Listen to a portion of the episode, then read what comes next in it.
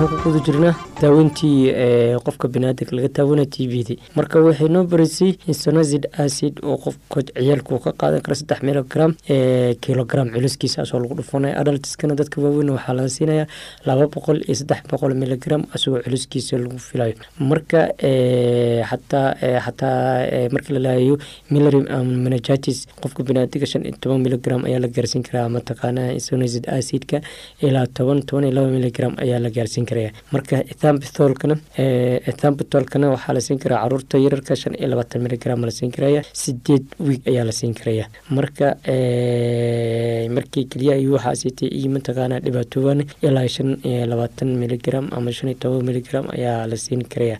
Iyadoo loo fiirinayo levelka mataqaana uu dhiiga yahay. Streptomazinka oo ah cirbad carruurta soddon miligram ayaa la siinaya dadkana mataqaana waxaa la siinaya hal gram oo afartan iyo shan gram culoskeedu uu yahay.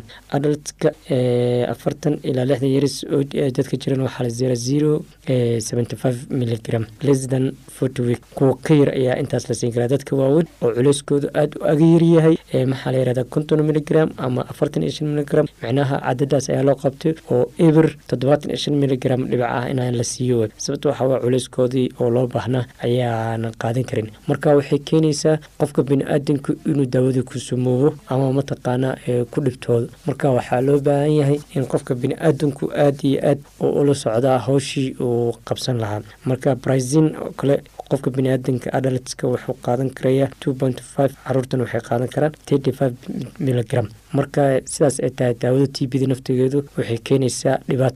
Marka waxaa loo baahanya qofka biniaadanka markuu dareemo oo cuncun oo kale. Rivabisinka cuncun ayuu leeyahay. Marka waa in aa la socota. Marka labaad wuxuu leeyahay hebatatis uu leeyahay cudur beer ku dhaca waaye. Marka saddexaad wuxuu leeyahay vasculitis waa cudur ku dhaca xididada marka waxaa ku garan karaysaa calaamadahaasiti qandho neeftii kugu dhigto ama calooshii oo badanaa marmarka qaarkood ku xanuunto isonazid acidka ee kaniiniga la yiraahdo inta badan wuxuu leeyahay xagga neerfayaashu ayuu asagana mataqaanaa qofka dhibaata ka keeni kara mental concentration wax la yiraahdo ayaa dhici karo. Marka waxaa loo baahan qofka bani-aadanka markuu calaamadahaasi dareemo in uu mataqaanaa la soo socdo.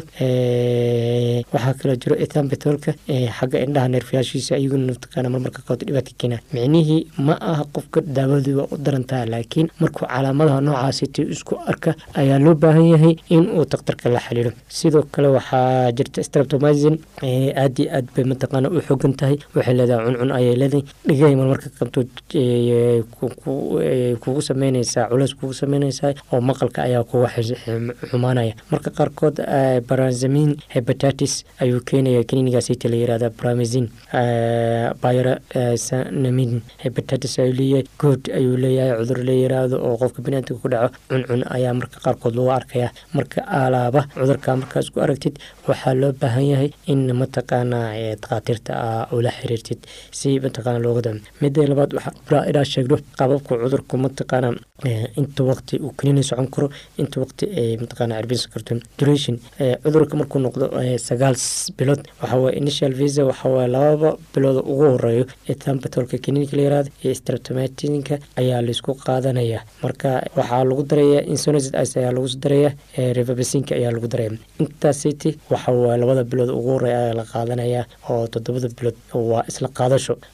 Marka la saddexaad haddii mataqaana ay tahay toddoba bilood oo fees uu yahay insenazidka ayaa la qaadaya waxaa lagu daraya revabisin ayaa lagu daraya marka waa groupkii labaad. Durationka bishii lixaad oo kale marka ay tahayna initial feeska ugu horeeyo two month ethambitol streptomizin plus insonad acidka ayaa lagu daraya revabisinka ayaa lagu daraya virusinka ayaa la isku daraya marka uu yahay lix biloodne labada bilood ugu horeeyo waxaa la isku daraya ethambitolki streptomazinki insonacid acid revabisinki barazina marka intaas kaniini ah marka la isku qaadanayo daktarka ayaa ku sheegayo oo habka loo qaadanayo continuous fees afarta biloodne marka la yiraahdana waa qaab isagana loo qaato. Insonacid acid plus revabisin ayaa la isku qaadanaya. Marka waxaa loo baahan yahay in aa la socotid. Qaababkaasi tii hadda idaacadda ah marka lagu gudbinayo waa dhib badan tahay. Laakiin markii aad daktarka kuusoo warqad kuu qoro waa yaraanaysaa oo waa fahmaysaa qaabka loo qaadan lahaa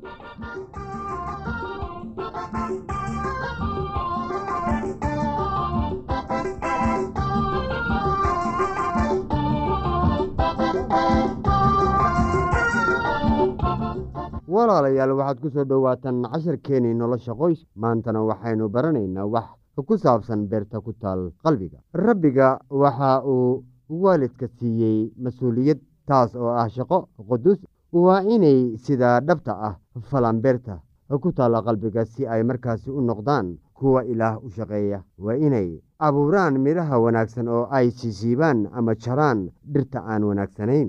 Xumaan kasta oo ku jirta dabeecadda ama xumaan kasta oo muuqata waxaa loo baahan yahay in la jaro. Maxaa yeelay haddii la ogolaado inay jirto waxay kharibaysaa dabeecadda kale ee wanaagsan. Duubsashada haddeer adduunka taagan ayaa waxay tahay iyadoo dhallinta loo ogolaado inay raacaan waxyaalaha dabiiciga ah ee maskaxdooda ku jira. Haddii mid kastoo dhallinyaro ah oo madax adag oo waalidkiisii yidhaahdo waxaynu arkaynaa ama u imaanaynaa wakhti yar kadib. Ama markay wax kala gartaan oo ay gaaraan siddeed iyo toban ayay kala garan doonaan wixii xun iyo wixii san. Markaas ayayna noqonayaan wiilal iyo gabdho wax garad ah wartani maxay tahay mid khalad ah? Sannado badan ayay oggolaadeen in cadowgu qalbigooda wax ku beerto. Waxaa waxyeelo u geysanayaa fikradaha xun ee qalbigooda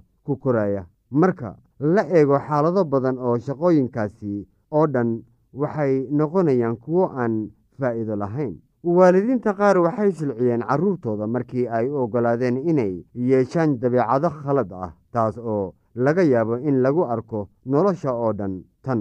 Iyada ah waxay dusha ka saaran tahay waalidka waxaa dhici kartaa in carruurtu ku weynaadaan cabsida rabbiga laakiin haddii nimco khaas ahaaneed aanan la siin qalbigooda oo noloshoodana aan si dhab ah loo bedelin dabeecadahoodii hore waxay ka muuqanaysaa noloshooda. Waxay muujinayaan dabeecadihii ay waalidkooda u oggolaadeen inay lahaadaan kuwa yaryar ma ahaan in lagu daayo inay waxasan iyo waxa xun isku si u bartaan. Innaga oo is leh mustaqbalka wanaagooda ayaa waxa uu ka badanayaa sharka oo markaasi sharkii ma muuqanayo sharku waa ka dheereeya wanaagga oo uu ka korid og yahay. Waa suurtagal in markay koraan sharkii ay barteen yarantoodii laga gooyo laakiin yaa tan iyada ah yaa dusha saaranaya. Waa inaynu noqonnaa kuwo waa inaynu noqonnaa kuwo mahadnaq leh isla markaasi aynu nahay waalidiin. Oo carruurteenna ay mateli karaan waxaa wanaagsan ee aynu samaynayno. Haddii aynu mar kasta isku dayno inaynu jacayl isu muujinno innaga guriga wada jooga carruurteenna islamarkaasi ay korayaan iyaguna waxay la imanayaan jacaylkan. Carruurtu marka ay arkaan waalidka oo daacad samaynaya ama salaad tukanaya iyaguna waxay samaynayaan siduu asaga muujiyey. Iyaguna waxay isku dayayaan inay sidaas oo kale sameeyaan. Marka waalidku dhar nadiif ah xirto oo mar waliba uu nadiif yahay carruurtuna waxay isku dayayaan inay sidaas oo kale sameeyaan. Marka halkaasi waxaa inooga muuqdaa in innagu aynu carruurtii u nahay hormood. Waxaa intaa inoogu oga casharkeennii maanta intaynu dib u kulmi doonno waxaan idinka tegayaa intaas iyo nabadgelyo